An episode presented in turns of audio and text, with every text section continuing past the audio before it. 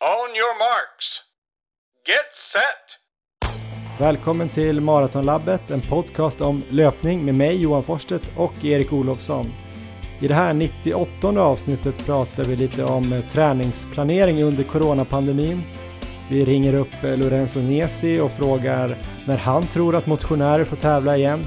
Och så får vi ta del av Carolina Wikströms planering mot OS i Tokyo.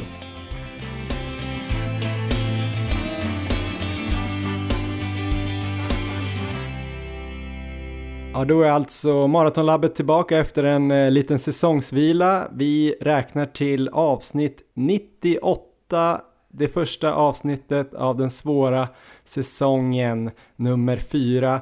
Erik Olofsson, är du med oss från Uppsala? Jag är med dig Johan och jag är väldigt laddad för säsong 4. Jag tror det här kan bli den bästa säsongen faktiskt. Ja, det är ju något sånt där som man bara brukar säga kanske när man drar igång en ny säsong av någonting, men jag tror inte att vi hade kört eh, en ny säsong om vi inte trodde att det här skulle bli den bästa säsongen. Ja, dels det. Sen tror jag också att det beror lite på att eh, du kan inte stanna så här strax innan en jämn siffra. Det är lite som på Strava när du, när du springer. Du kan inte stanna på typ så 29 km utan måste ha 30. Och vi är ju så nära avsnitt 100 nu så jag tror det kan bero på det också.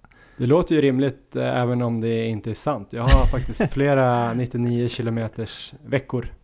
Jag Aha. avslutade ju för sig en 100,1 eh, vecka här igår. Så lite, lite kanske det finns sanning där. Men det säger du bara för att du är så kaxig och har gjort så 39,65 typ tre, tre gånger förra veckan. Fast det gör jag bara eh. för att tilta dig. Yes, eh, nu börjar vi spåra ur direkt Erik. Eh, vi skulle ju börja säsong 4 väldigt klart, tydligt, koncist, eh, proffsigt, inte snacka överdrivet mycket. Det misslyckades vi med direkt. Idag ska vi i alla fall prata om planering och lite träningsplanering, men mer övergripande så här, hur ska man tänka nu mitt i eh, coronapandemin då? Vi vet ju fortfarande inte när eh, vår eh, första tävling är. Alltså för motionärer är det ju väldigt otydligt, eh, även för eliten är det otydligt. Så eh, vi kommer prata lite då om hur man kan tänka och hur man kan lägga upp träningen här framöver. Ska man anpassa den på något sätt eller ska man bara hitta något eh, fiktivt mål och något datum och köra mot det. Vi pratade också då med Lorenzo Nesi om det här, eh, huvudtränare i FK Studenterna, som har ju väldigt bra koll på hur hur läget ligger här med löpning och corona. Så det blir spännande. Vi kommer till det Erik. Eh, ja. Först tänkte jag att eh, det är ju ändå avsnitt 98, säsong 4. Vi drog igång den här podden då 2018 i januari. Då hade vi ju sprungit lite grann så här innan, men eh, då kanske vi växlade upp lite grann och vi bestämde att vi skulle springa maraton under tre timmar. Så den här podden är ju då startad för att vi skulle kunna egentligen ringa runt till olika löpare, fysiologer, tränare, nutritionister och så vidare eh, för att då fråga egentligen hur ska vi göra för att komma under tre timmar på maraton. Sen dess har det ju hänt en del och det är många som har frågat oss hur utvecklingen har sett ut lite grann för oss mer övergripande under den här perioden. Eh, så vi tänkte att vi skulle starta året med en liten tillbakablick. Och om vi börjar med dig då Erik. 2017 sprang du maraton på uh, någonstans 3.15, 3.16 har jag för mig. Ja, du hade ett pers på 3.11 som var ganska gammalt. Men uh, sen har det gått lite framåt kan man ju säga och du lyckades ju faktiskt SM-kvala i fjol. Så ungefär efter två och ett halvt år med bra träning så kom du ner på 2.38. Hur mycket har du tränat och hur har utvecklingen sett ut? Ja men precis Johan, jag är för mig att vi till och med tänkte kalla podden för Sub 3-podden från början. Mm. Eh, men då hade den blivit kortvarig, så det var ju tur att vi körde Maratonlabbet istället. Eh, nej, men när vi började podden i januari 2018 så låg jag på runt 10 mil i veckan.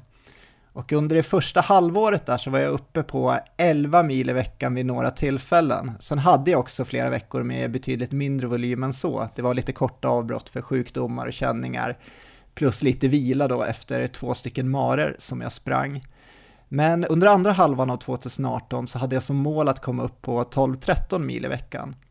Mm. Och jag hade en vecka när jag nådde upp på 13 mil, men förutom den så var det mer 8-10 mil som det landade på. Men under 2018 så sänkte jag mig i alla fall då från 3.16 till 2.56 på maraton som jag sprang i Frankfurt. och totalt så blev det 400 mil för året.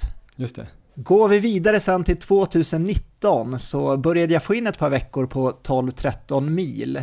Men när det började med mer maratonspecifik träning så upprepade sig mönstret igen och jag blev återigen sliten, fick känningar framförallt i vaderna och fick hålla ner volymen så det var ofta fortfarande på 8-10 mil.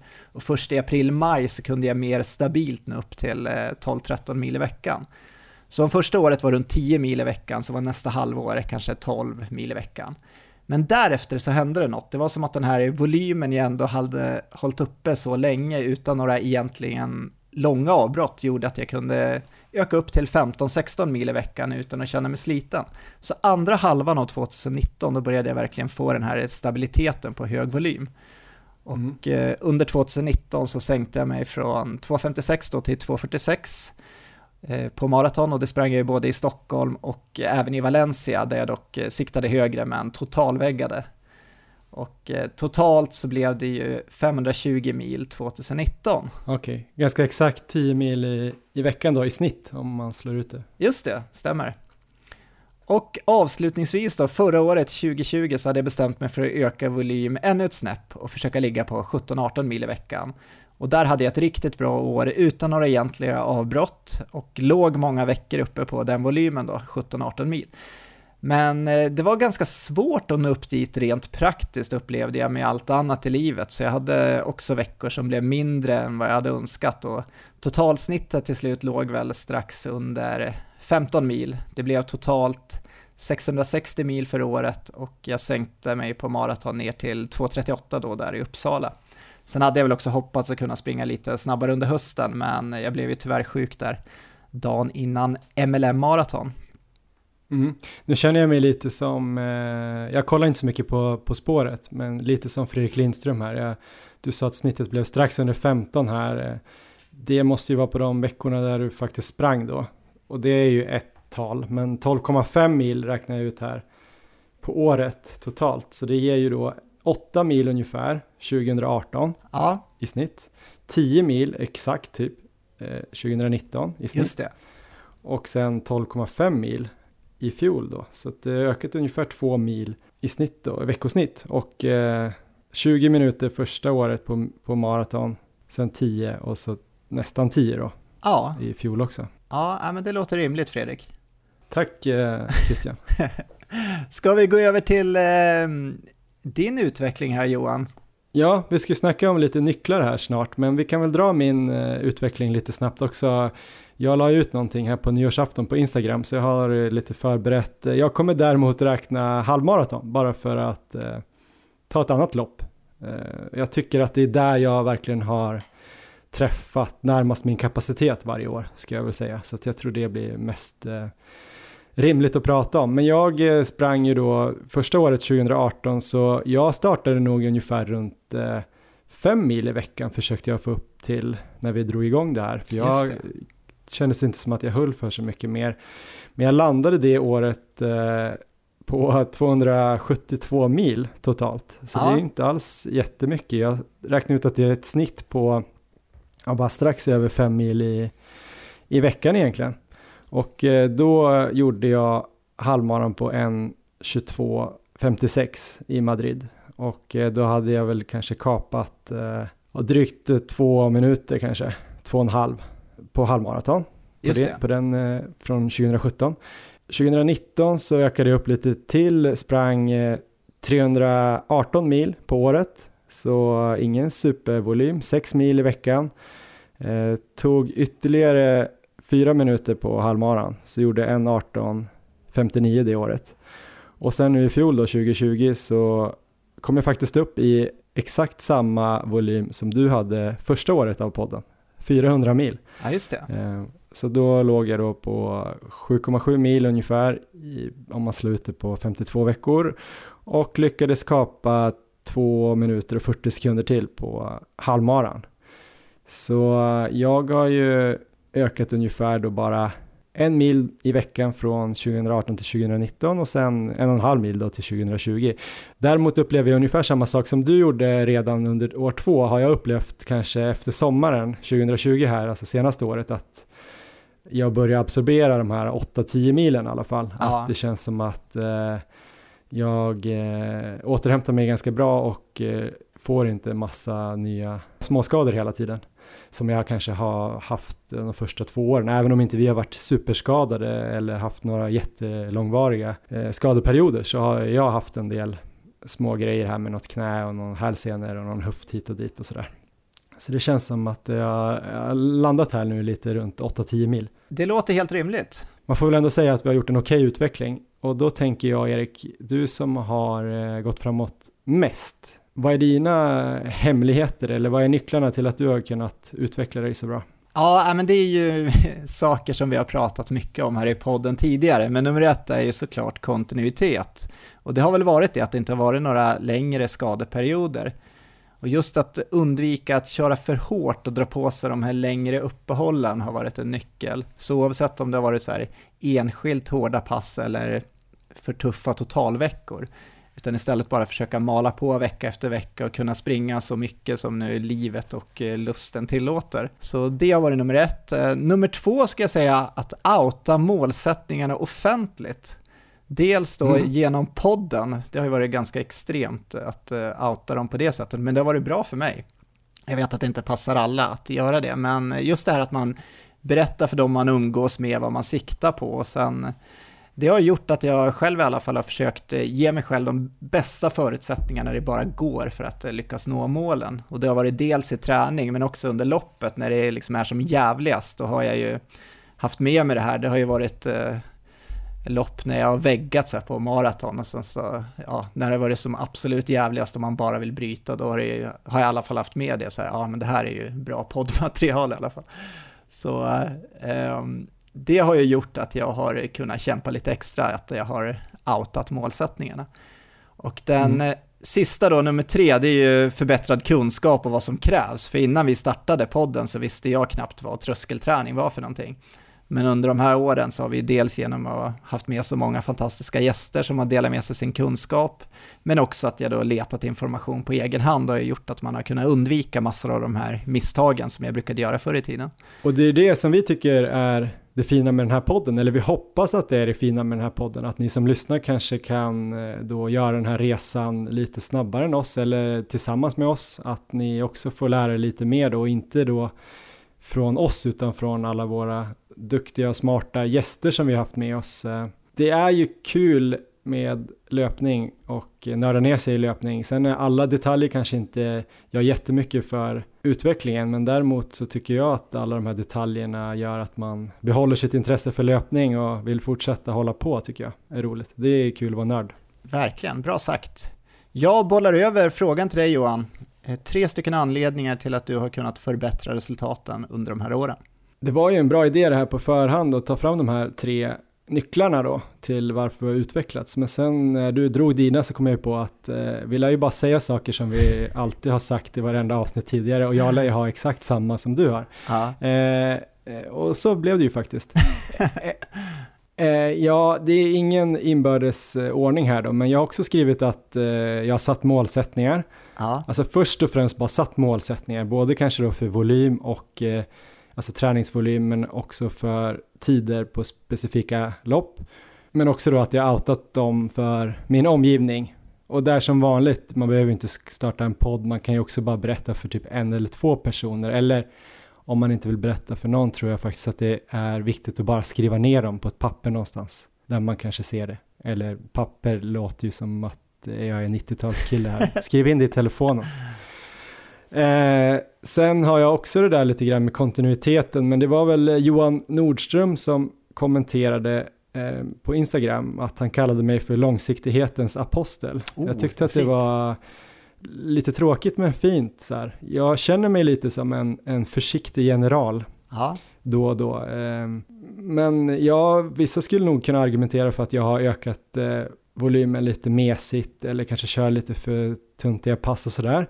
Men jag tycker att jag har fått till en hållbar ökning av den här löpmängden, både fysiskt och mentalt. Jag har inte gått toksönder. Jag har inte ledsnat på löpningen utan jag har alltid känt eh, alltså jag har alltid känt att det har varit roligt att springa. Och även så här familjemässigt och så vidare. Jag har inte liksom gått från att så här springa tre mil till 14 mil i veckan. Det blir en ganska stor skillnad, utan jag har liksom smugit in några kilometer som inte då Emma har märkt riktigt. Eh, så hon tycker nog att jag springer ungefär lika mycket som första året, fast jag springer dubbelt så mycket nu. Briljant. Eh, så det har ju varit eh, en nyckel och just det här också att kanske ha en, två intervaller eller vad det nu kan vara kvar i tanken. Att man har liksom 10% kvar nästan på varenda pass. Ja. Um, förutom då när man kör det här critical speed-testet som vi gjorde. Tre minuter all out, då skulle man inte ha någonting kvar.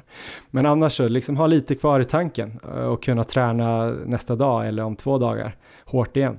Det är nog det absolut viktigaste. Sen eh, sista grejen då, det är ju att jag har lärt mig kanske älska löpning. Jag gillade ja. löpning innan, men jag tror att jag älskar löpning nu. Jag ser det så här som en självklar grej att göra varje dag. Det är inget konstigt att träna varje dag längre eller springa och jag har försökt liksom behålla den här äh, upptäckarglädjen också med löpningen. Jag har alltid ett upplägg, men om någon teasar mig med ett roligt pass så kan jag faktiskt välja att hoppa på det eller sticka upp och springa i fjällen eller springa på en is, en sjö någonstans eller snöpulsa eller springa orientering och sådär. Jag känner ändå att det är viktigt för mig. Erik, eh, 4 december så, så kom då vårt förra avsnitt ut, avsnitt 97 om grundträning med Ulf Friberg. Sedan dess har det gått sju veckor. Eh, har du tränat enligt Ulf Fribergs principer? Um, jag började lite grann eh, efter det, eller försökte i alla fall. December var riktigt tungt. Det var sjukdom då som fortsatte där från november och det ledde till känningar och lite motivationsbrist. Så att uh, jag lämnade december bara och sen så hoppar vi direkt till nya året istället så blir det lite roligare. Och lagom då till starten av 2021 så började jag komma igång igen och eh, rivstartade året med en 22-milsvecka Mm. Veck wow! Veckan efter missade jag några dagar med en stor blåsa under stortån. Sjuk otur. ja, jävligt otur. Jag råkade springa 22 mil eh, i sandaler, eller? Ja, kanske finns ett samband här. Men eh, vecka tre så gjorde jag ett kul pass och vi kan väl gå lite närmare in på det passet. Det var 79 kilometer på Upplandsleden. Start klockan 08 på morgonen i Barkarby. Det var jag, Andreas McConville och eh, de välmeriterade orienterarna Rasmus och Ken. Det var några minusgrader ute, snö på marken, riktigt trevligt. Vi stannade efter en sådär 10 kilometer vid Gåseborg, en gammal fornborg från järnåldern. Strategiskt belägen uppe på en höjd vid vattnet med fantastisk utsikt över Mälaren, så det startade bra den här dagen. Vi sprang vidare och efter att vi hade avverkat en mara så klev vi in på Rosersbergs slott för en fika. Eh, inte riktigt så här kungligt klädda, men eh, det var väldigt välbehövligt vid, vid det laget. Och sen så kom vi igång igen och sprang vidare till Sigtuna och dit kom vi efter sådär 58 kilometer. Sista biten där hade jag en sån riktig dipp, det var verkligen, eh, ja, jag ville typ bara bryta. Det var väl lite så här energi och eh, ja, började kännas att man hade sprungit långt i alla fall. Det längsta jag hade sprungit innan, det var ju fem mil som längst. Mm. Så vi stannade där i Sigtuna och käkade en pizza och sen så var vi redo igen att fortsätta trodde vi i alla fall, för att benen ville inte alls komma igång efter den här pausen. Så det var ungefär som eh, Forrest Gump där i början av filmen, han har de här skenorna. Så det var typ den stilen jag sprang med där i, ut ur Sigtuna. Det var till och med så att en man vi passerade där frågade så här, hur jävla långt har ni sprungit egentligen? och får man höra det så inte, ja, jag tror inte aktionen var supersmidig, men eh, det började släppa i alla fall så att vi, vi kom väl igång där. Men sen började det mörkna, det var ju här i början av januari så att det var ju, eller mitten av januari så att det var ju fortfarande rejäl vinter. Eh, så vi fick börja använda pannlampor och eh, ja, sprang på och efter sådär 68 kilometer så kom det tyvärr ett lite så här olyckligt parti när vi var tvungna att orientera obanat en bit, det var för att leden där, vi sprang ju längs Upplandsleden då, den upphörde. Och, eh, jag hade ju överlåtit så här all orientering till övriga i gruppen och de gjorde ju ett väldigt, väldigt bra jobb där förstås. Jag eh, hoppas att du inte ska säga nu att men här klev jag fram och eh, började orientera. Då känns det som att det kan ha fått ett abrupt slut. Den här ja, nej det hade inte slutat bra. Ehm, jag, jag har ju svårt bara så här att eh, springa på en led och prata samtidigt. Jag måste ju hålla koll på alla rutter och sånt här så att det det hade varit helt livsfarligt. Men där så vart det lite otur då när vi ska orientera obanat, för vi kommer in i så här riktigt tufft skogsparti där. Det var mörkt och det var fallna träd, ojämn terräng, inga stigar och sen så blev det rejält blött. Så det var ju, det var ju någon minusgrad ute, men här trampar man liksom ner i isvatten, nästan ner till knäna. Så ja, fötterna var varit genomblöta och eh, innan hade vi kanske sprungit så här i 6 minuters fart, men nu var vi nere i 15 minuters fart per kilometer. Det var ju så här inte ens eh, springbart i princip. Eh, det var bara i två kilometer, men det var som att eh, musten lite sögs ur samtliga. Så efter den biten så la vi ner planerna då. Det var ju tänkt att vi skulle springa hela vägen till Uppsala, alltså 10 mil den här dagen, men vi beställde istället hämtning i Vassunda efter 8 mil. Mm. Ja, men det var intressant så att vara igång så länge och spännande att se de här, och spännande att se de här svängningarna rent mentalt, att ibland så känns det superlätt och sen så nästa stund vill man bara lägga av och sen så känns det bra igen och sen går det bara upp och ner sådär. Varför börjar du året med 22 mil? Varför gör du sådana här 8 till eh, 10 mils eh, pass och varför körde du tre långpass på 4 mil eh, förra veckan? Ja just det, ja, men det är ju många som har börjat bli oroliga nu har jag sett på Strava. Jag har fått mycket kommentarer med oroliga personer som eh, funderar på om jag håller på med någon ultrasatsning eller liknande. Um, och vi får, jag får väl avvakta här och berätta när vi ska outa våra mål, vad det är jag håller på med egentligen. Nog om eh, min tid och eh, vi hoppar över till dig Johan, hur har det gått sen sist? Ja men det har gått ganska bra faktiskt. Det har varit rätt kul, jag hade också en dipp där i december när det regnade och var mörkt och jag hade nog lite så här post marathon blues ett tag där också. Eh, så jag hade en riktigt deppig vecka, men sen vände det av någon anledning. Jag började springa med lite så här kompisar varje pass och sen hittade jag något nytt mål och sådär. Så, så det har gått bra, men jag tänker väl eh, köra lite översiktligt då om de här sju veckorna. Det har blivit faktiskt 95 eh, kilometer i snitt ändå. Eh, och jag har haft fyra veckor över 100 kilometer. Ingen dag med helvila Erik, det här Jaha. är något nytt för mig. Det här är mer än du har legat på förut va? Ja, precis. Jag har aldrig snittat så här länge tror jag, över 95. Jag har eh, haft en dag utan löpning, så jag har nästan börjat med runstreak, Erik. Det brukar vi säga att vi inte gillar riktigt, men eh, nu har jag nästan gjort det. Det var en dag jag inte sprang, men då körde jag faktiskt 30 kilometer längdskidor istället. Så jag har tränat ganska bra. Ja, de första fyra veckorna var mer sån där klassisk grundträning. Jag tänkte oerhört mycket på grundträning Aha. innan och efter vårt avsnitt. Kanske nästan mer efter avsnittet och jag vet inte vad jag sa om grundträning i det där avsnittet för jag var inte förvirrad men jag hade mycket input så här. Eh, sen efter det där avsnittet så alla poddar och alla på Instagram började skriva om grundträning och jag, jag trodde ju att grundträning var att man skapade en grund med kanske lite mer eh, lugn löpning och sen spetsar man det med snabb löpning för att bibehålla lite fart och steg och sådär. Men det känns som att alla gör olika. Alltså studenterna kör någon VO2 maxpass där i december på bana. Ja. Stenhårda 2000 i 5K-fart. Jag känner så här, oj, så här hårt har jag inte tränat på hela året. Eh, inget ont om dem, men det är deras filosofi och jag tror Lorenzo bara nämner det snabbt i intervjun här senare. Några andra kör ju, ja, Ulf Friberg körde ju ganska blandat. Vissa kör det här norska, bara trösklar hela tiden. Men jag körde ganska mycket för att försöka få upp volymen. Och sen nu de sista tre veckorna har jag legat kvar där men börjat smyga in lite snällare trösklar, fortsatt att ha några pass med lite bra fart. Men det har varit lite svårt på grund av underlaget. Ja, jag precis. har inte sprungit speciellt mycket på löpband alls, något pass bara. Så de här snabba farterna har jag inte gjort så här jättemycket. Men jag har hittat, jag har hittat en ganska bra träningscykel som har funkat för mig. Jag har gått ifrån lite det här att tänka sju dagar, alltså vecka. Ja. Nu snackar jag ändå om att jag har snittat 10 mil i veckan, så jag har inte övergett det helt, men när jag har lagt upp så här när det ska vara kvalitet och inte så har, har man ju tidigare gått ganska mycket på att man kört kanske två hårda pass plus ett långpass varje vecka. Men så har jag känt att så här i början när jag dessutom försöker öka volym så har jag tyckt att det har blivit lite hårt och vi har varit inne på det förut och sådär.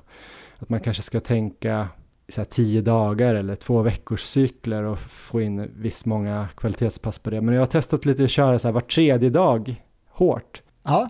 Så det har blivit som en nio dagars cykel kan man säga att jag har kört eh, eh, om jag säger att dag ett är hårt då, så då kanske jag kört något eh, kortare, hårdare dag ett. Så dag två då har alltid varit eh, återhämtningsdistans plus styrka. Dag tre har varit något så här mellanhårt beroende på dagsform, hur bra jag återhämtade mig. Så det kanske blivit runt en timme med någon typ av kvalitet insprängt, kanske någon fartlek eller backryck på slutet eller sådana här surges, alltså att man, uh, ursäkta eventuellt uttalet där, men att man kanske ökar upp 30 sekunder mitt i distanspasset var 50 minuter eller sådär. Och sen då dag fyra har ju varit då kanske en tröskeldag, alltså lite hårdare trösklar. Och sen lugnt plus styrka, mellanlugnt. Och så dag eh, sju då ett långpass och sen lite lugnt plus styrka och sen lite medel så här. Så det blir var tredje dag. Så långpassen hamnar på lite olika dagar och eh, jag tycker det funkar väldigt bra. Det känns ju som att varje dag blir väldigt tydligt syfte och eh, det är skönt att veta att var tredje dag får man springa lite lugnare och gå på gymmet. Och, eller styrketräna hemma. Och sen var tredje dag är det lite så här, ja jag ska köra en dist på 60 minuter och så slänger jag in lite det jag är sugen på om benen är bra. Just det distanspasset Johan, när du kör lite hårdare då, är det farten totalt som är lite snabbare eller just att du lägger in fartdel där i slutet med lite strides och sånt där? Nej, tanken är inte att jag ska springa någon sån här mellanmjölksdistans utan det är att jag springer distans tydligt men att jag lägger in någonting med fart, typ backsprints eller Just det eller någonting. Och det är mer då för att eh, slänga in lite kvalitet såklart får jag någon träningseffekt men också att väcka benen då för nästa dags hårdare pass. För att jag mm. tycker att jag får en effekt dagen efter att jag känner mig piggare då. Ja, men det låter spännande för att det vet vi att Canova kör också där med en hel del backsprints eh, dagen innan eh, kvalitetspass på distanspassen. Mm. Så det, det låter smart.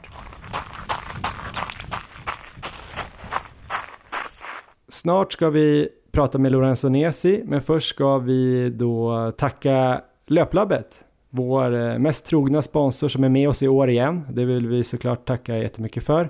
Det är ju Sveriges största butikskedja som är helt fokuserad på löpning.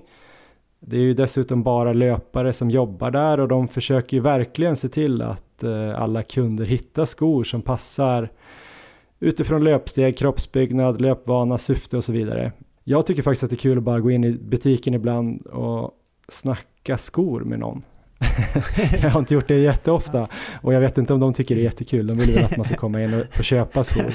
Men eh, det har hänt några gånger så här. Då, många är där som är väldigt eh, kunniga.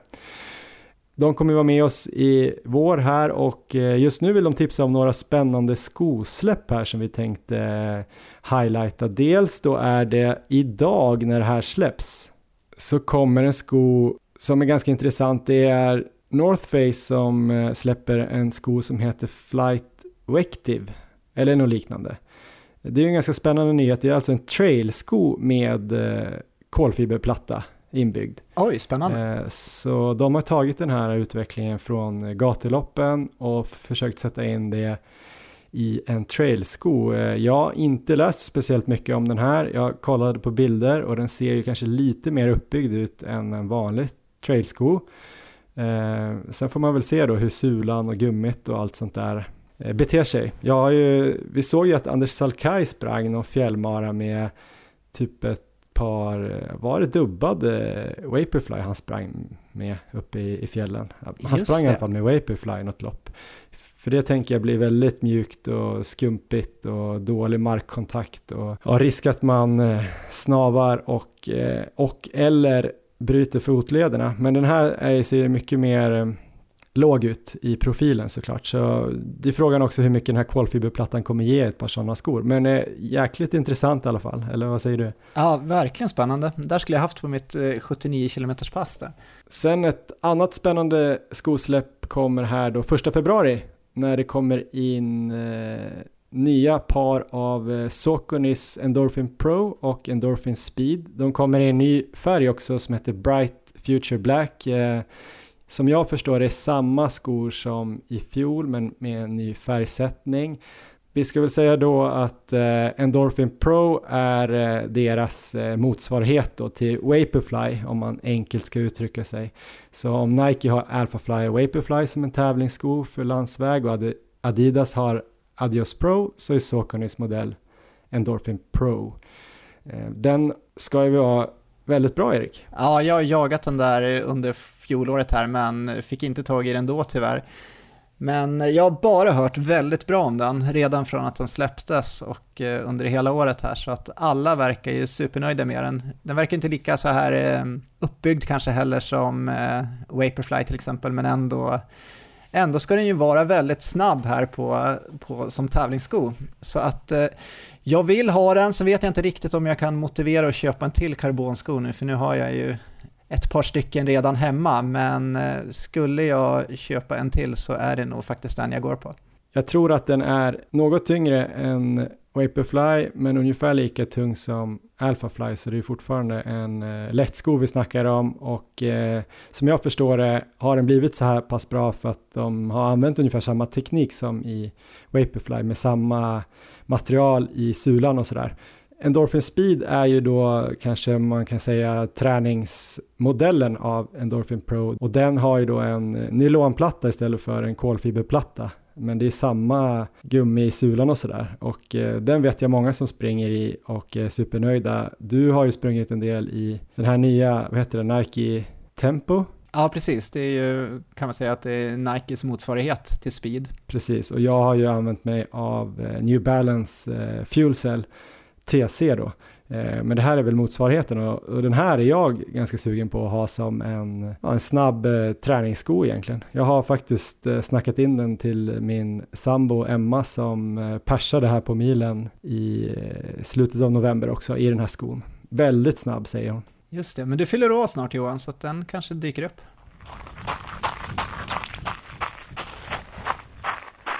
Ja men bra Erik, nu har vi äntligen kommit fram till eh, veckans första gäst och det är Lorenzo Nesi som är eh, huvudtränare för FK Studenterna.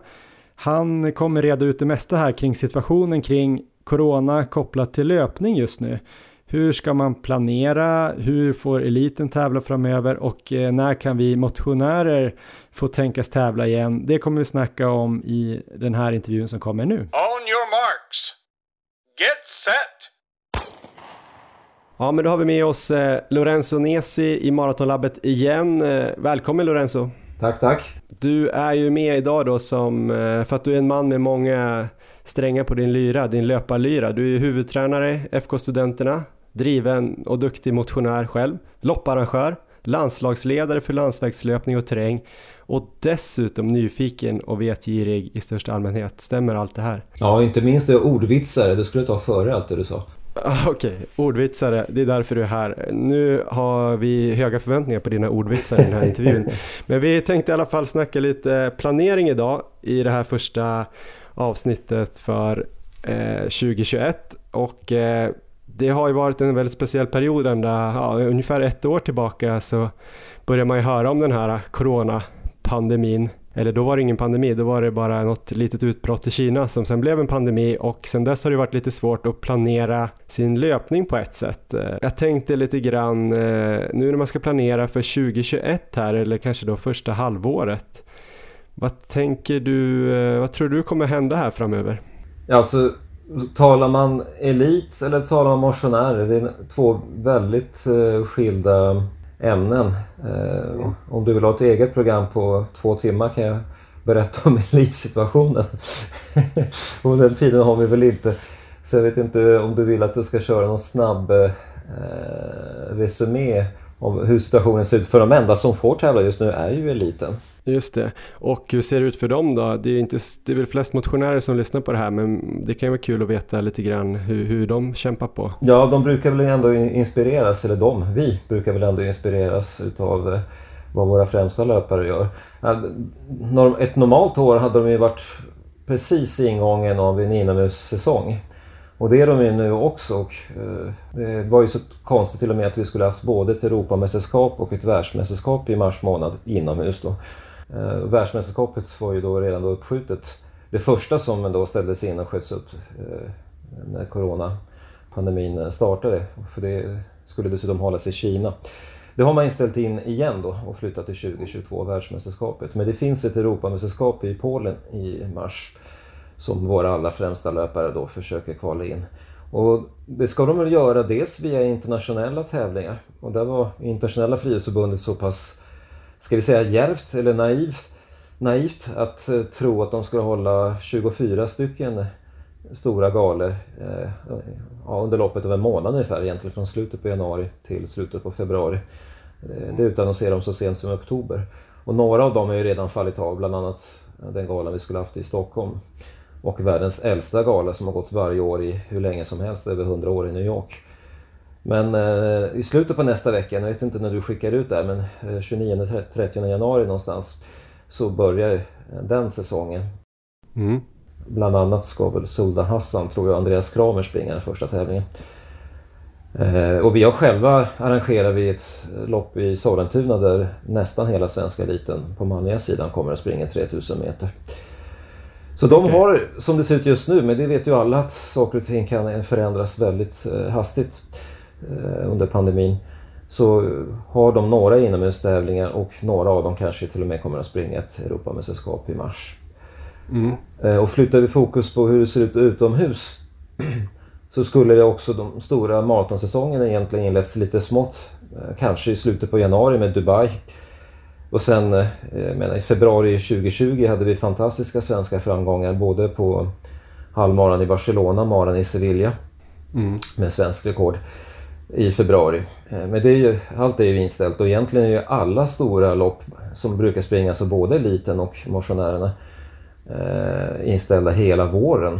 Man skulle säga att ända fram till slutet på april, april är ju den stora maratonmånaden framförallt i Europa med London, Paris, Rotterdam, Hamburg, och Düsseldorf, Wien, Milano, alla de där loppen som vi är vana att svenskarna åker till.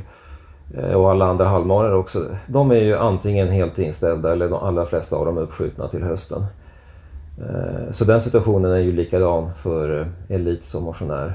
Sen finns det ju någonting som uppstått då, framförallt under de senaste, kanske senaste halvåret under pandemin är att det hålls ju små, små lopp som är begränsade för bara eliten. Och det nämnde jag inte när jag gäller säsongen. Där har ju Svenska Friidrottsförbundet satt resultatgränser att du måste ha gjort under vissa tider för att få uttaget träna och eller tävla inomhus. Några sådana exakta gränser finns det inte för utomhus. Där är det ju ofta så att man, har, ja, man får förhålla sig till respektive nations, eh, eller i vårt fall regions restriktioner. Och då har det ju inneburit eh, kanske 50, max 100 starten någonstans. Valencia hade väl ett par hundra startande.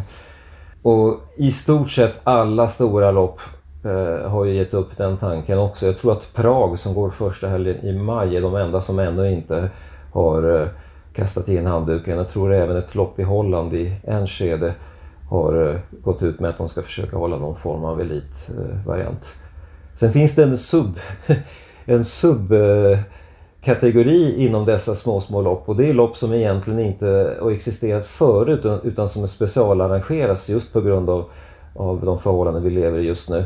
Och det är i regel antingen managers eller skofirmor med sina kontrakterade löpare. I enstaka fall nationella förbund som eh, då skapar lopp och framförallt för de stackare som eh, fortfarande försöker kvala in till de olympiska spelen om de nu kommer att hållas. Mm. Så de har inte haft några chanser att kvala in igen, egentligen med undantag för två lopp i höstas, London och Valencia, så har de inte haft chansen sedan 1 mars 2020. Och där är situationen till exempel att britterna, de kommer att ha eh, nationella uttagningar i London, i Richmond Park i slutet på mars. Om det inte ställs in med tanke på hur situationen nu ser ut i, i England och Storbritannien, den är ju värre än vad någonsin har varit. Schweizarna har hittat på ett lopp eh, utanför Berns flygplats 14 mars och där är stora delar av den svenska eliten faktiskt med i startlistan som ser ut just nu. Och på vilken distans är det? Är det... Nu pratar jag maraton, nu pratar jag bara mm, maraton just nu. Mm, mm. Eh, men alltså situationen är ju den att uppstår det en chans, menar, som det var förra veckan tror jag gick ut det här med, med Bern, eller möjligtvis något tidigare för de som hade riktigt bra kontakter. Då hoppar ju alla på det loppet men sen vet inte vad händer om det plötsligt visar sig att eh, Hamburg trots allt tänker hålla ett elitlopp eh, eller någon annans eh, agent eller skofabrikat plötsligt bestämmer sig, ja men nu har vi råttat ihop eh, ett lopp här och där. Alltså situationen förändras jättesnabbt. Eh, Bara en nyfiken fråga där angående resultatkravet då, för att det finns ju en tids, eh, tidsgräns som man ska klara, både då såklart den olympiska tidsgränsen men även den SOKs gräns då på maraton till exempel. Sen ska man ju ha kommit topp 8 i det här loppet man springer. Är det någon förändring på det nu när det blir lite så här äh, märkligt konstruerade lopp eller vad man ska säga? Du, vi får ha ett eget program för det också, för det, det är också en lång historia superkomprimerat i det fallet är ju att det är ju ett problem när de här få loppen hålls. Tar du Bern som ett bra exempel då, då, vi, då våra OS-aspiranter finns med i startlistan. Det är bättre att säga att de finns med i startlistan än att de ska springa det. Det känns inte tillräckligt konkret.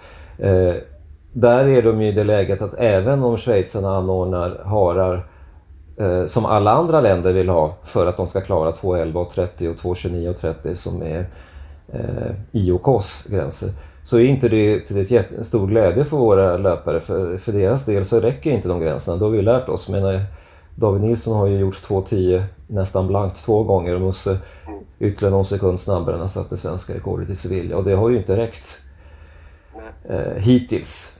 Eh, SOK kommer att lämna ett slutgiltigt besked i slutet av mars och just nu är vi inne just i förhandlingar med dem att vi vill ju ha vi vill ha en tid och det är ju det eh, killarna och tjejerna vill också. Det, det går inte att säga att vi kommer att tala om efteråt ifall de sprang tillräckligt fort eller inte. Vår inställning är att du kommer vare sig träna eh, inför ett lopp eh, och ännu mindre ställa dig på startlinjen på det loppet utan att veta kommer jag göra 2.08.59 räcker det? Eh, eller räcker det inte? Eh, men eh, vi lyckas inte få det beskedet utan vi, vi har ju ett spel i Sverige, ett spel säger jag, Villkoren i Sverige är det att vi får nominera löpare, inte ta ut. Alltså Svenska Friidrottsförbundet nominerar löpare till Sveriges olympiska kommitté utifrån vissa förutsättningar som du var inne på. Och då hade vi kommit överens för ett och ett halvt år sedan att det skulle vara hårdare tider än vad eh, de internationella gränserna är, nämligen 2.11 respektive 2.28. Eh, men som jag sa nyss, vi har ju tre eh, manliga tider under 2.11 som inte har räckt och det beror ju på att SOK då har sagt att så som sko, skoutvecklingen har varit så kan vi inte längre förhålla oss till eh, de tider vi hade kommit överens om. Mm. Så att vi, vi famlar fortfarande i mörker och försöker få SOK att faktiskt komma med en, en tid. Hur, hur hård den må vara är det bättre att få reda på att det är den, den tiden som krävs. Mm. Men så ser det inte ut, tyvärr. Nu fick Nej, du en väldigt lång utläggning just om eliten. Ja, men det var spännande tycker jag i alla fall. Vi hoppas att lyssnarna också håller med. Men om vi pratar lite mer eh, riktat mot de flesta lyssnarna då, även om det är någon eh, elitlöpare som säkert lyssnar också. Men eh, om man tänker då, man blickar framåt här mot våren så finns det ju egentligen då inget lopp man kan sikta på. Man kan ju såklart fortsätta träna för att det är härligt att springa och man kan ju fortfarande utvecklas. Men om man vill ha den där målsättningen, hur tänker du att man ska tänka då? Jag tycker att det enda sättet som går att förhålla sig det är ju på samma sätt som åtminstone jag agerar under hela 2020 och det är ju att utgå från att finns det inte tävlingar så då arrangerar vi tävlingar. Jag minns inte hur många tävlingar vi i studenterna som jag då är chefsideolog i eh, arrangerade som inte var planerade från början men åtminstone 6, 7, 8 stycken körde vi under 2020 Mm. Eh, fem, sex av dem officiella och ett par stycken testlopp eh, för oss själva när man inte fick tävla. var ju sättet att reagera på. Det vill jag uppmana alla att när, för någon gång kommer ju restriktionerna lätta. När restriktionerna lättar, just nu går det inte, det går inte att arrangera lopp för tillfället. Men om vi kommer tillbaks till den situationen som åtminstone rådde fram till mitten på november då man kunde hålla tävlingar upp till 50 eh, pers och som ni själva till exempel mm. arrangerade ert lopp i Uppsala som var det sista som gick under de villkoren så eh, är det inte speciellt svårt att anordna ett lopp. Man behöver inte ha den erfarenhet som vi har skaffat oss på 2000-talet. Att söka en sanktion hos Svenska Frihetsförbundet eller respektive distrikt är en pappersprocess eller snarare en digital process som tar ett par minuter. Eh, att mäta en bana så att den är korrekt mätt, om vi nu pratar landsvägslopp, eh, går att göra Eh, till och med utan kostnader för nästan hela Sverige. Gå in på fria.se så finns det länkar till legitimerade banmätare i varje mm. distrikt i hela Sverige. Ta kontakt med dem, säg som det är. Vi funderar på att anordna ett lopp i april, hittar jag på nu, om vi nu får göra det. Vi, vi har en bana här som vi tror är 10 km lång. Kan du hjälpa oss att mäta den? De här banmätarna är jättebra, inte bara att de är fantastiska på att mäta banor, lägger hur mycket timmar som helst på att mäta de här kilometerna. De, ofta är de också väldigt eh, hjälper till och föreslår men har du tänkt på att det här kanske inte är så lyckat och det här har en korsning som vi inte borde passera och här går banan i ögla och det kan skapa problem och här har du en mycket bättre lösning. Så att eh, sitt inte...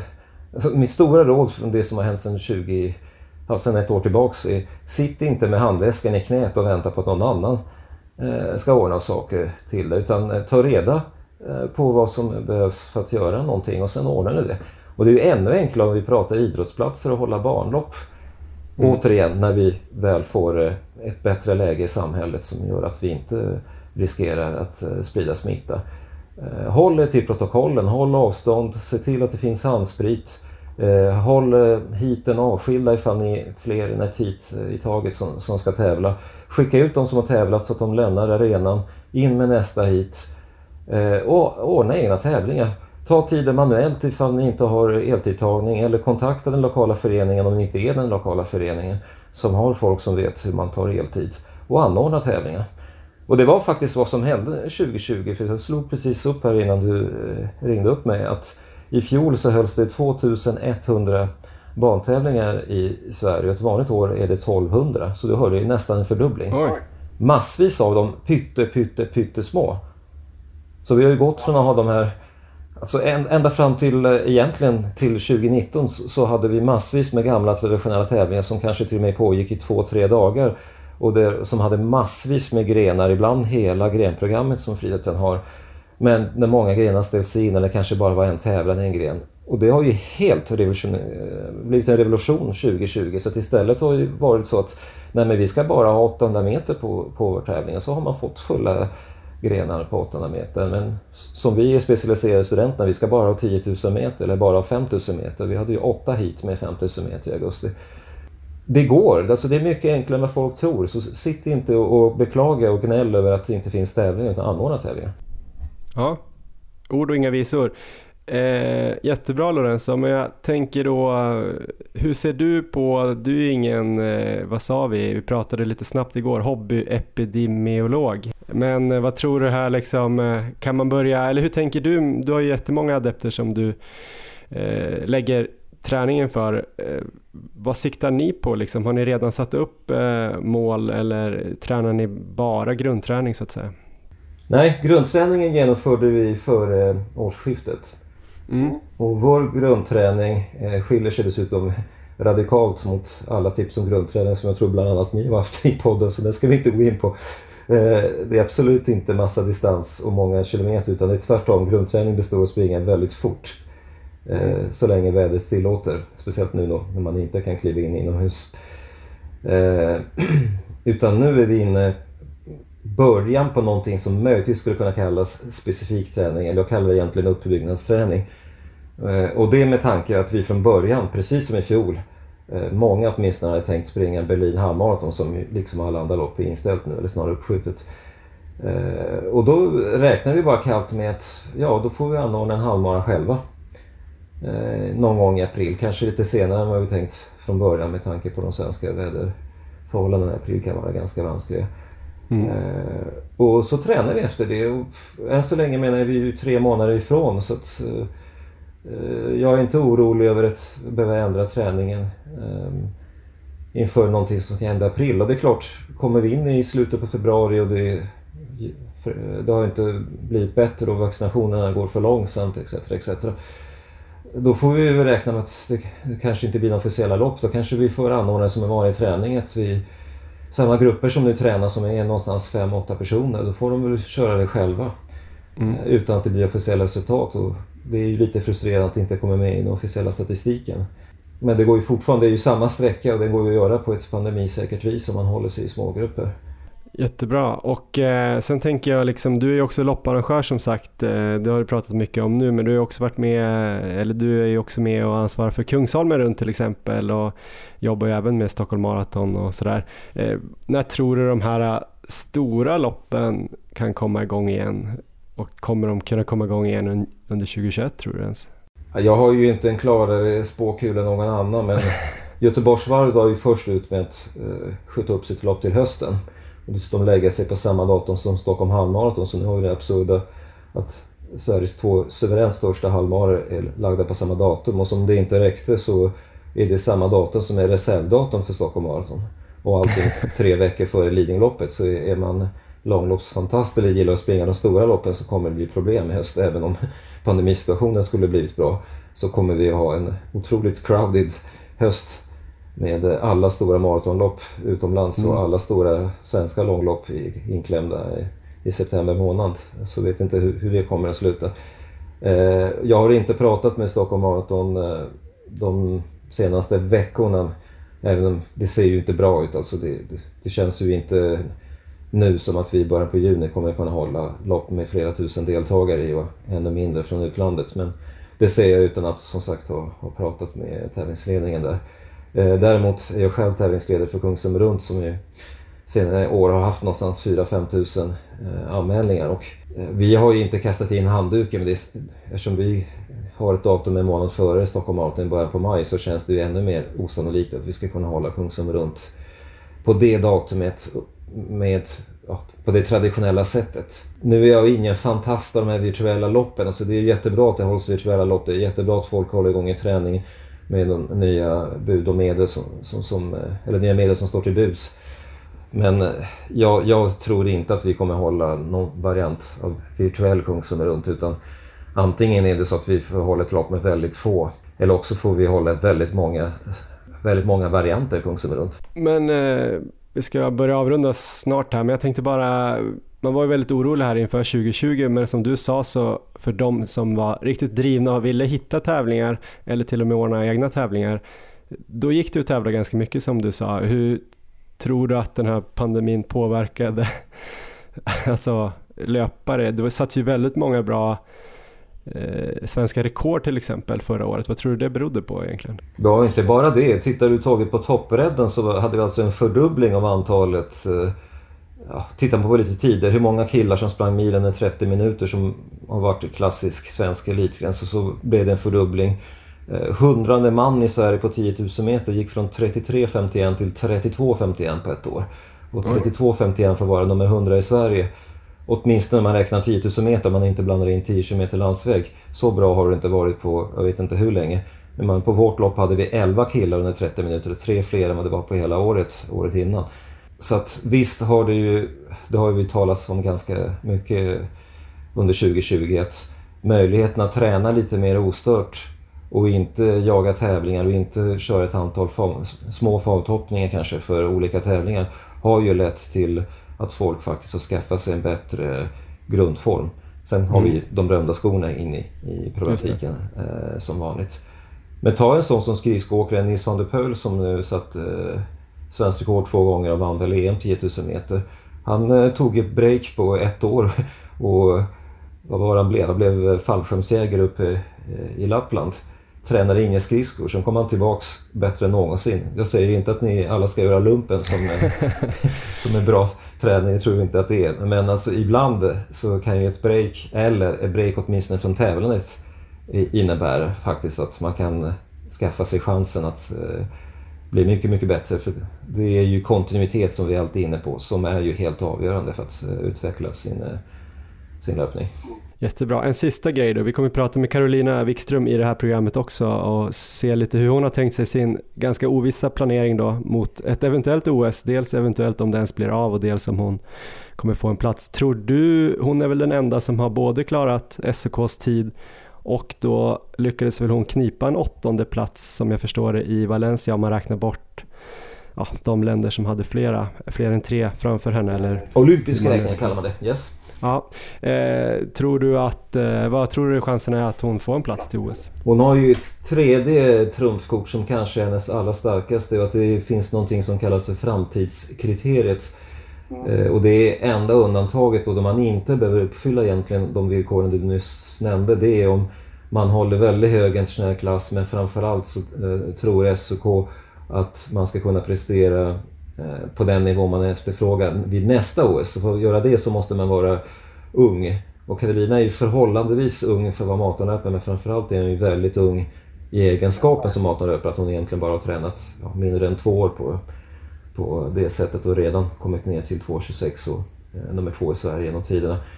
Eh, så jag hoppas att de tre sakerna tillsammans ska räcka. Men kom ihåg att fortfarande så är, ska SOK göra en samlad bedömning där man i, ja, utan framtidskriteriet ska tro på att eh, man har en chans att komma topp 8 på OS, vilket ingen svensk maratonlöpare har gjort. Nej, så det, det är mot den bakgrunden vi, vi, vi, vi slåss för att få in våra löpare. Jaha, du skulle fråga om pandemin, det blev någonting annat där? Ja, men det blev nog eh, en spännande mix tycker jag. jag ja, inte en enda ordvits dessutom. Nej, nej, det där får du jobba på Lorenzo. Jag kommer fortfarande presentera dig som alla de här andra fem grejerna för ordvitsar nästa gång vi pratar. Ja, det var OSIS. Ja, Jaha, var det OS där, IS eller? OSIS, jag försökte klämma in den sista ja, sekunden. Ja, ja, superbra. Eh, tusen tack Lorenzo. Ha det bra så ses vi i vår. Lycka till. Hej! Ja men det där var intressant information och eh, några profetior också då från ordvitsaren Lorenzo Nesi. Kommer det här eh, som Lorenzo pratar om påverka dig Erik och din planering för då året, alltså 2021 men kanske mer fokuserat då första halvåret? Ja, det kommer det verkligen göra Johan. Så att eh, det här har jag funderat lite på innan också och det förstärks ju egentligen bara av vad Lorenzo säger. Jag har en väldigt tydlig plan Johan, vill du höra den? Mm. Ja, okej då. jag kommer dela in det här året i två perioder. Och den första perioden, den är redan igång och den kommer hålla på någon gång till eh, i sommar, lite beroende på när målloppet då kommer bli av. För det vet jag inte exakt när jag kommer få springa lopp. Men det kommer bli cirka 6 till 8 månader med ultrasatsning. Mm -hmm. det här har ju du vetat, men nu har vi outat det här också. Och det finns ju flera anledningar till att jag väljer att göra det här. Och eh, ett är eh, motivation, för att jag känner nu att efter tre år med så här stenhårt maratonfokus så känner jag att jag, jag behöver nog bryta av och göra någonting lite annorlunda. Och nummer två, det är pandemin då som, eh, det går ihop lite här med motivationen. Alltså jag börjar ju sakna de här stora loppen, typ Stockholm Marathon och att resa iväg som vi gjort tidigare till stora städer. Och det funkade jättebra förra året med att springa lite mindre lopp och sånt där, men jag känner att nu så vill jag nog, innan de stora loppen kommer igång så vill jag bryta av och prova någonting annorlunda ett tag. Eh, och pandemin har ju också gjort, som jag varit inne på, att eh, jag inte vill träna på gymmet vilket i sin tur då leder till att jag har svårt att få till bra kvalitetspass när det är riktig vinter ute nu. Förra året så var det ju stor skillnad när vi kunde eh, springa på asfalt hela ja, januari, februari i princip. En tredje anledning är ju inspiration. Vi har ju träffat väldigt många trevliga personer som på ett eller annat sätt eh, provat på eller hållit på med ultralöpning, kanske framförallt när vi haft våra löpläger. Även om mycket då låter rätt sjukt så eh, har det ju faktiskt tror jag lockat lite mer än eh, skrämt än så länge. Mm. Sen så nummer fyra är att jag tror att uh, Ultra faktiskt kan passa mig. Jag är ju verkligen inte begåvad med något så här vackert löpsteg. Utan jag är ju egentligen ganska talanglös som löpare, men den talang jag möjligen kan säga att jag har är ju att jag klarar av att springa länge och mycket. Och sen så också att kunna springa riktigt långsamt men ändå avslappnat. Eh, för där skiljer sig till exempel du och jag en del. När du kommer ner i kanske 5-15 fart så blir ju du lite obekväm. Du vill gärna springa på med ditt steg. Medan jag kan ju lufsa på i så här 6 fart utan, utan några problem egentligen. Ehm, så att nu så ska jag tillbaka till grunderna här. Jag har ju jobbat med löpsteget under de här åren med podden, men nu så ska vi tillbaka till glidarstilen här. Ehm, och sen så är det en, eh, en femte anledning, det är just det här, eh, hur långt klarar man av att springa egentligen? Jag känner att jag vill ta reda på det. Det vore ändå mm. så mäktigt att kunna svara 20 mil eller någonting om någon frågar vad det längsta man har sprungit är. Så med det sagt, så mitt första mål 2021 blir att springa ett 24-timmarslopp. Eh, oj, det låter idiotiskt, men ja. eh, kul. Ja, jag tror det, det låter verkligen idiotiskt. Det är nog idiotiskt också och jag vet väl inte riktigt vad jag gett mig in på, men det är väl just därför som det här, jag tror det kan bli spännande. Det är roligt också att du precis innan där nämnde siffran 20 mil. Är det någon typ av eh, mål du har på ett 24 timmars lopp och eh, när ska det här ske ungefär, hoppas du?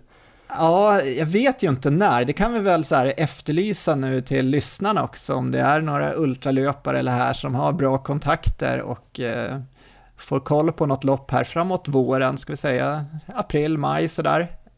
Så är jag väldigt intresserad av att vara med och springa.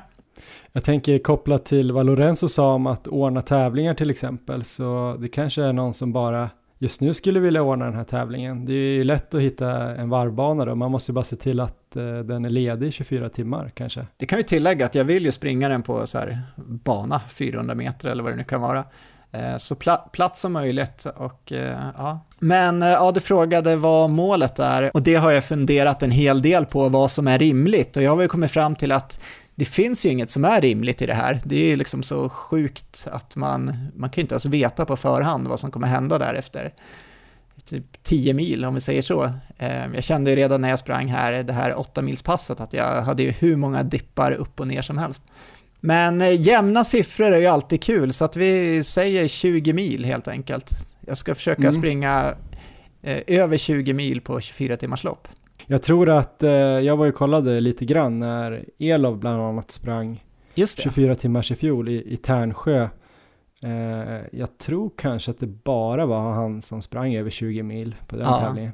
Vad är svenska rekordet på? Är det 26? Är det den här Stene va? Ja, jag tror han har rekordet. 26, 27 kanske.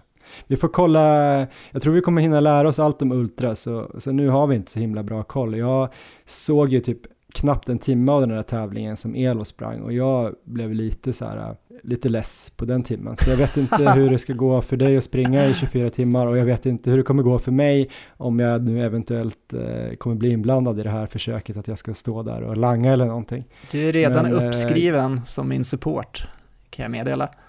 Är det någon fler som vill hjälpa mig att, uh, att langa till Erik under det här loppet så får ni gärna höra av er så kanske vi kan sova lite i skift och så här.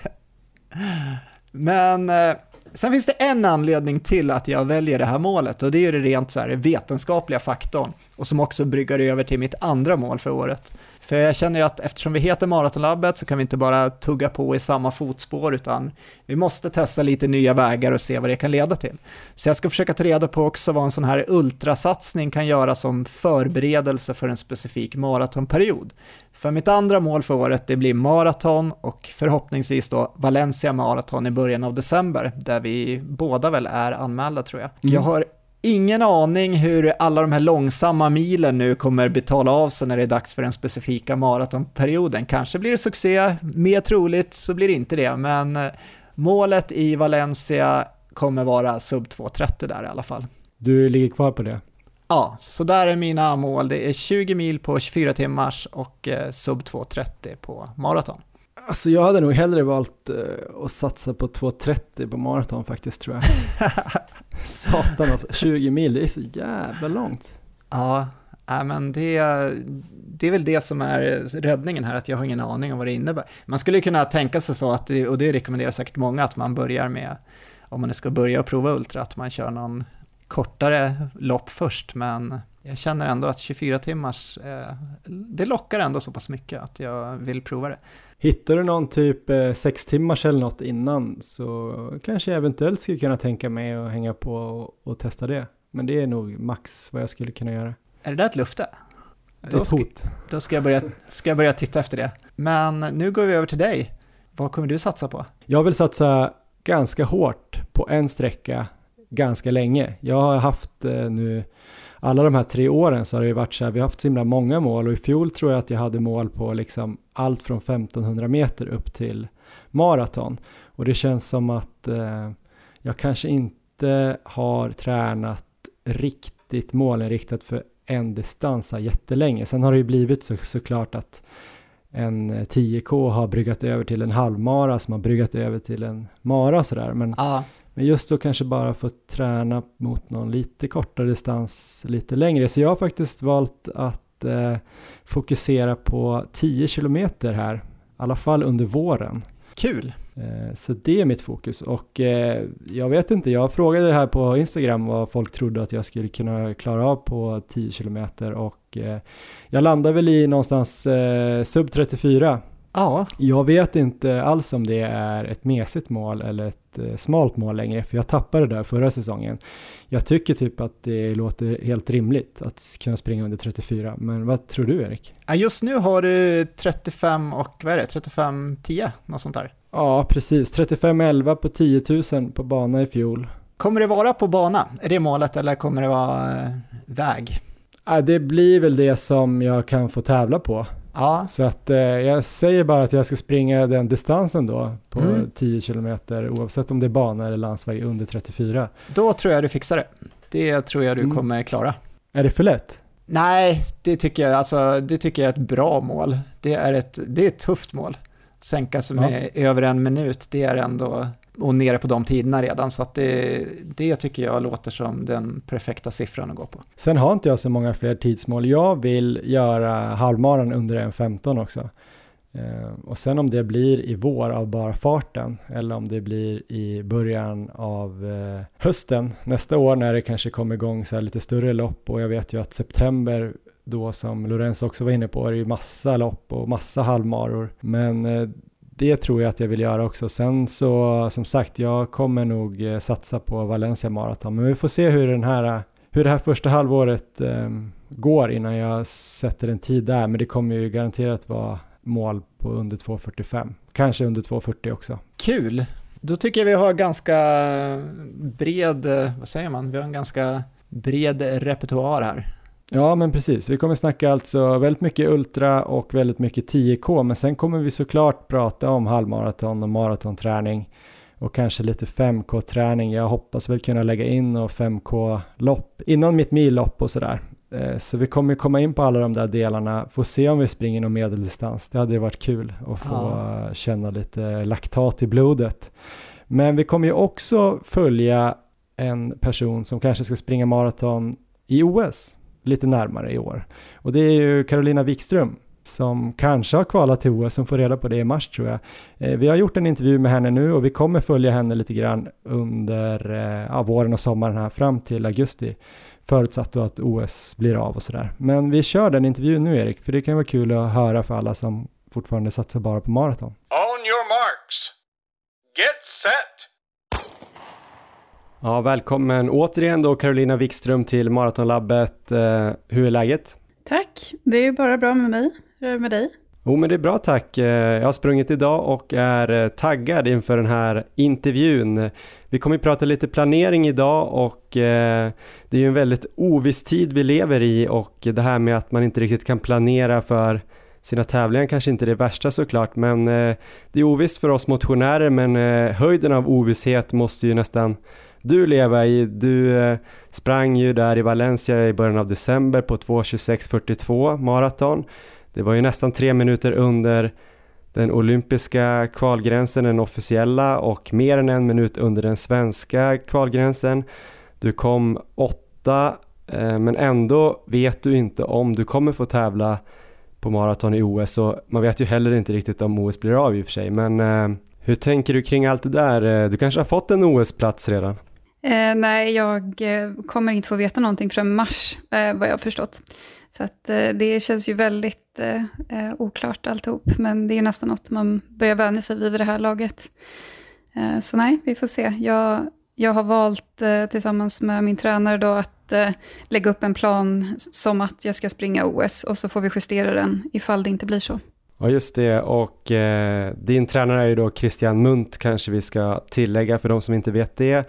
Men eh, hur hanterar du den här ovissheten? Är, eh, är det lätt eller svårt? Eh, jag tyckte det var jättejobbigt för att som person så gillar jag att eh, lägga upp planer och liksom känna att jag har eh, kontroll på läget. Så att det var väl någonting som jag gick igenom förra våren, att hitta strategier för hur man ska hantera det.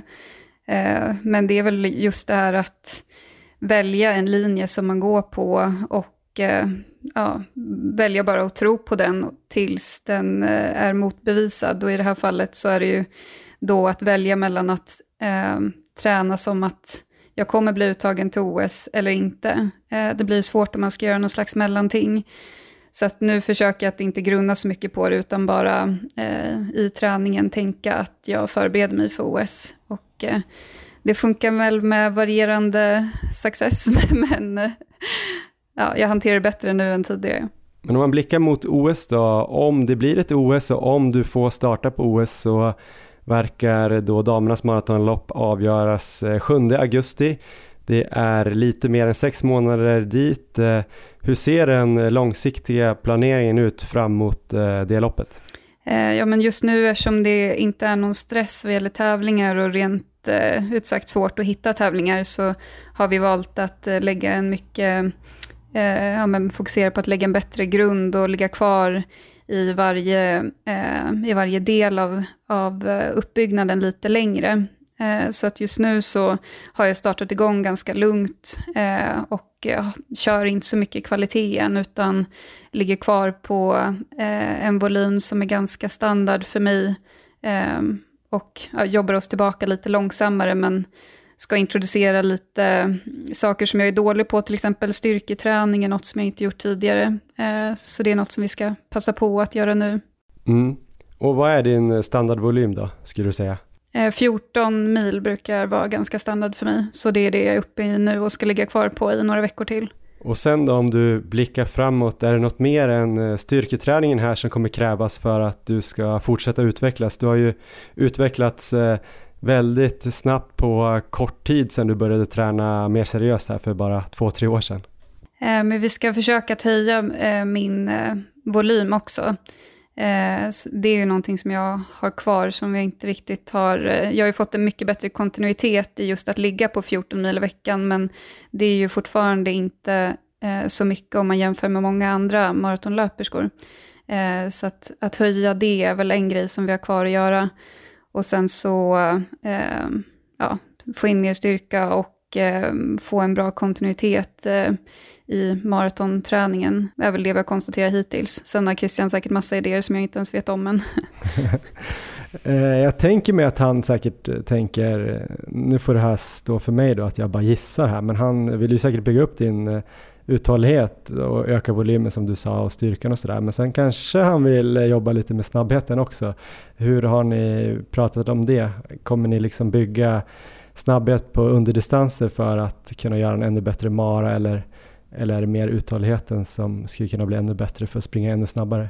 Jo, men det, det är helt sant. Det glömde jag bort. Men eh, det är ju någonting som jag kommer fokusera på nu under våren. Att eh, börja med att Eh, lägga grunden, men sen så kommer jag träna lite mer mot 10K eh, och eh, halvmaraton. Ehm, och försöka vara i en väldigt bra form för det någon gång i april. hoppas på att det kommer vara någon tävling där. Och sen om jag då får ett positivt besked med OS, att liksom gå från det till att sen träna specifikt mot maraton. och hoppas på att det lyftet i snabbhet också ska ge effekt på maraton.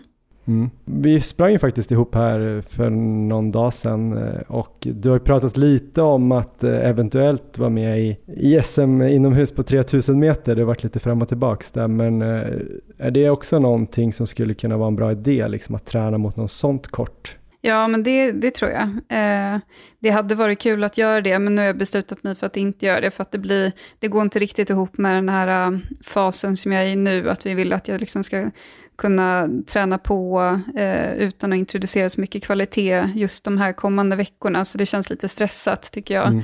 Eh, jag kommer inte ha kört något banpass eh, och det snabbaste jag kör just nu är tempo i runt 3.40. Så att springa 3000 meter känns ganska långt ifrån det. Eh, men hade det legat lite längre fram så hade det eh, absolut känts som någonting som hade passat att göra nu i början. Om du eventuellt då skulle få ett nej, eh, tänkte jag bara fråga, där i mars till OS, att det inte räcker där du redan har gjort. Kommer du försöka få in en till Mara då innan här i, i vår på något sätt, innan OS? Ja, jo men det kommer jag väl i så fall. Vet inte riktigt hur. Men förhoppningsvis så, så finns det väl andra som också vill springa eh, en snabb mara då, så om det inte finns någon utanför Sverige som är bra så får man väl kanske försöka fixa någon lokal. Eh, jag tror det finns ett intresse från andra också för det, så ja, i så fall så tror jag det är tanken. Innan vi går vidare, jag tänkte prata lite 10K och halvmaraton, så måste jag bara fråga nu när vi ändå pratar om det här och inte få beskedet till OS. Du berättade där också att det var ganska konstigt i Valencia att eh, det kom in löpare efter dig. Du sprang ju på 2.26.42 och eh, den officiella olympiska gränsen är 2.29.30 och många länder har ju liksom att kommer man med, eller klarar man 2.29.30 så, så tar man en plats till OS om man är ja, topp tre eller något i sitt land kanske. Ja, folk jublade liksom eh, bakom dig. Eh, hur var det liksom? Nej, men det känns det ju jättekonstigt. Eh, som sagt att folk eh, ja, men, grät av lycka och liksom eh, kramade om varandra. Och jag var ju jätte, jätteglad jag också, men det hade varit så härligt att gå i mål och veta om det räckte eller inte. Det. Så, så det, är, ja, det är ju som det är, inte så mycket att göra åt saken, men det märktes ju att Sverige sticker ut i den här aspekten. Mm. De andra gick eh, iväg till närmaste tatuerare och gjorde olympiska ringarna och du satt med Christian och gjorde en ny plan bara. Ja, precis. Ja, olympiska tecknet, frågetecken kanske. Just det, just det. Det hade varit snyggt. Eh, men om vi tänker då underdistanser här. Du sa 10K kanske någon gång i april. Du gjorde 32-38 på eh, SM på landsväg i fjol. Mm. Vad tänker du att du skulle behöva göra för att eh, bli ännu snabbare på maraton? Har ni något sånt mål då på 10K? Eh, jag hade väl velat springa 32 låga. Det är väl målsättningen. Och sen då om du gör halvmaraton, du gjorde väl en 11.30, det är samma där liksom. Det är väl kanske ett sämre resultat än 2.26.42 om man kollar sådana här tabeller mm. och så. Ja, när jag gjorde det så trodde jag att jag skulle springa bättre. Eh, så att jag kände inte riktigt att jag fick till det då. Så, men jag, nu skulle jag satsa på under eh, 1,10. Eh, hade jag varit nöjd med.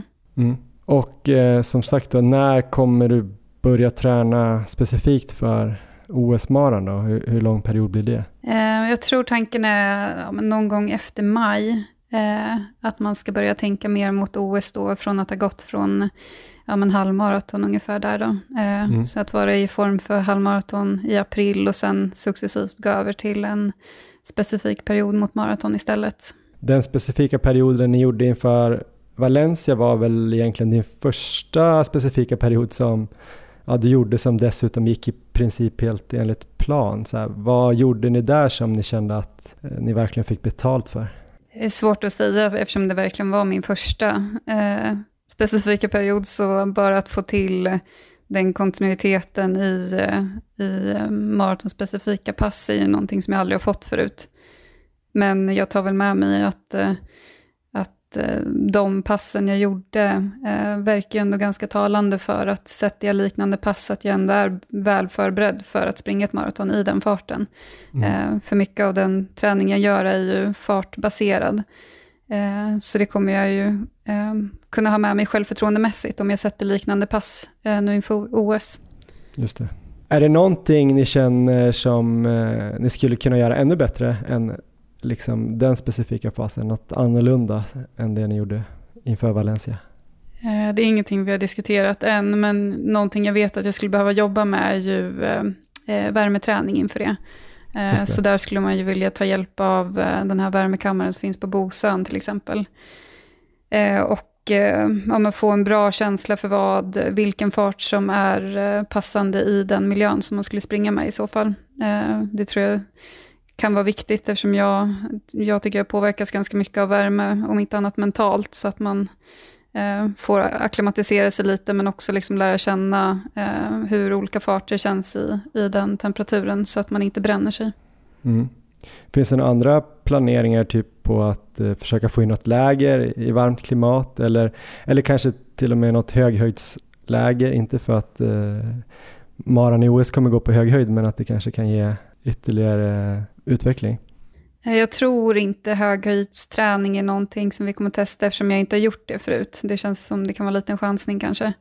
Eh, men eh, att åka någonstans eh, där det är liknande klimat är väl någonting som vi har pratat om. Men där beror det väl lite på hur pandemin ser ut och vilka möjligheter som finns för det. Mm. Jättebra Karo. stort tack för att du vill vara med. Vi tänkte ju följa dig här lite grann då och då under våren om det är okej. Okay. Ja, självklart. och höra lite hur det går framåt. Det är väldigt eh, spännande att kunna ha en, eh, ja förhoppningsvis då en OS-löpare som eh, vi också ibland får springa med. Det är väldigt häftigt. Ja, vi får hoppas det blir så. Ja, att vi får springa med det. Ja, precis. tack så jättemycket, ha det bra. Ja, tack själv, hej då.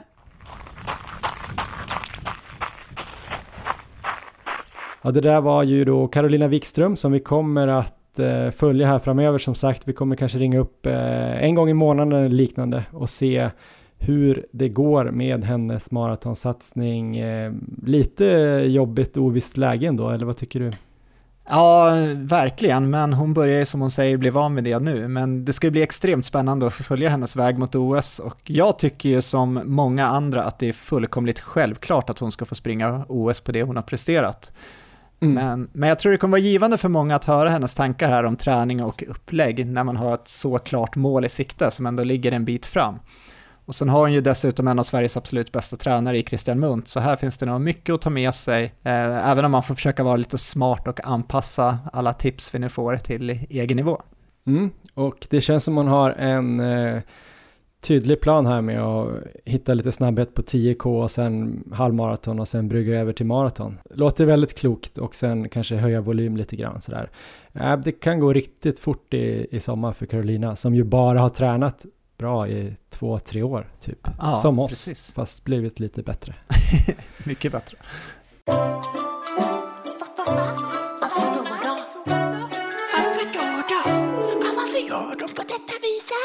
Med den där härliga gingen som är skapad av världens snabbaste gitarrist Martin Jarbeck eh, så ska vi då eh, börja med vår nya programpunkt, veckans fråga. Jag vet inte vilka andra gitarrister som springer, men han lär ju vara snabbare än Yngve Malmsten i alla fall. Martin Jarbeck heter alltså världens snabbaste gitarrist på Instagram.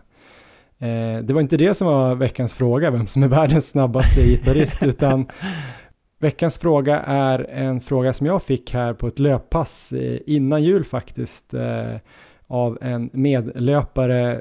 Det är så här, vi har ju tränat här nu i tre år och då verkligen försökt lära oss mer om löpning. Frågan är i alla fall så här att finns det någon absolut sanning om löpning som vi har ändrat uppfattning om? Alltså någon typ av eh, grej som eh, det står om i alla löptidningar och sånt där som faktiskt inte vi tycker är särskilt viktiga, som vi trodde var jätteviktiga innan.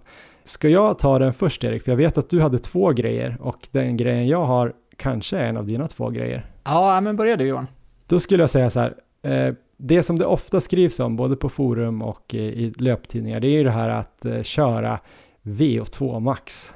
Alltså köra ren VO2 max-träning, typ så här norska intervaller, alltså 4 gånger 4 minuter med 2-3 minuters vila och köra så här all out eller köra sådana här 30-30 stenhårt.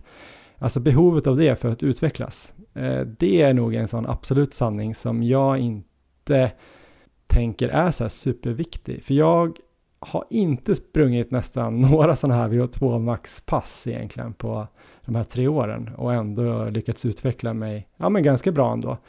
Så jag säger inte att det här ge, kan ge bra effekt och eh, har man jättetydligt så här låg VO2 max kanske det kan vara bra att trycka upp den med lite sådana här pass men eh, jag tror ju ändå att i princip all löpträning kommer ge en ökning av VO2 max och VO2 max som koncept är ju såklart viktigt.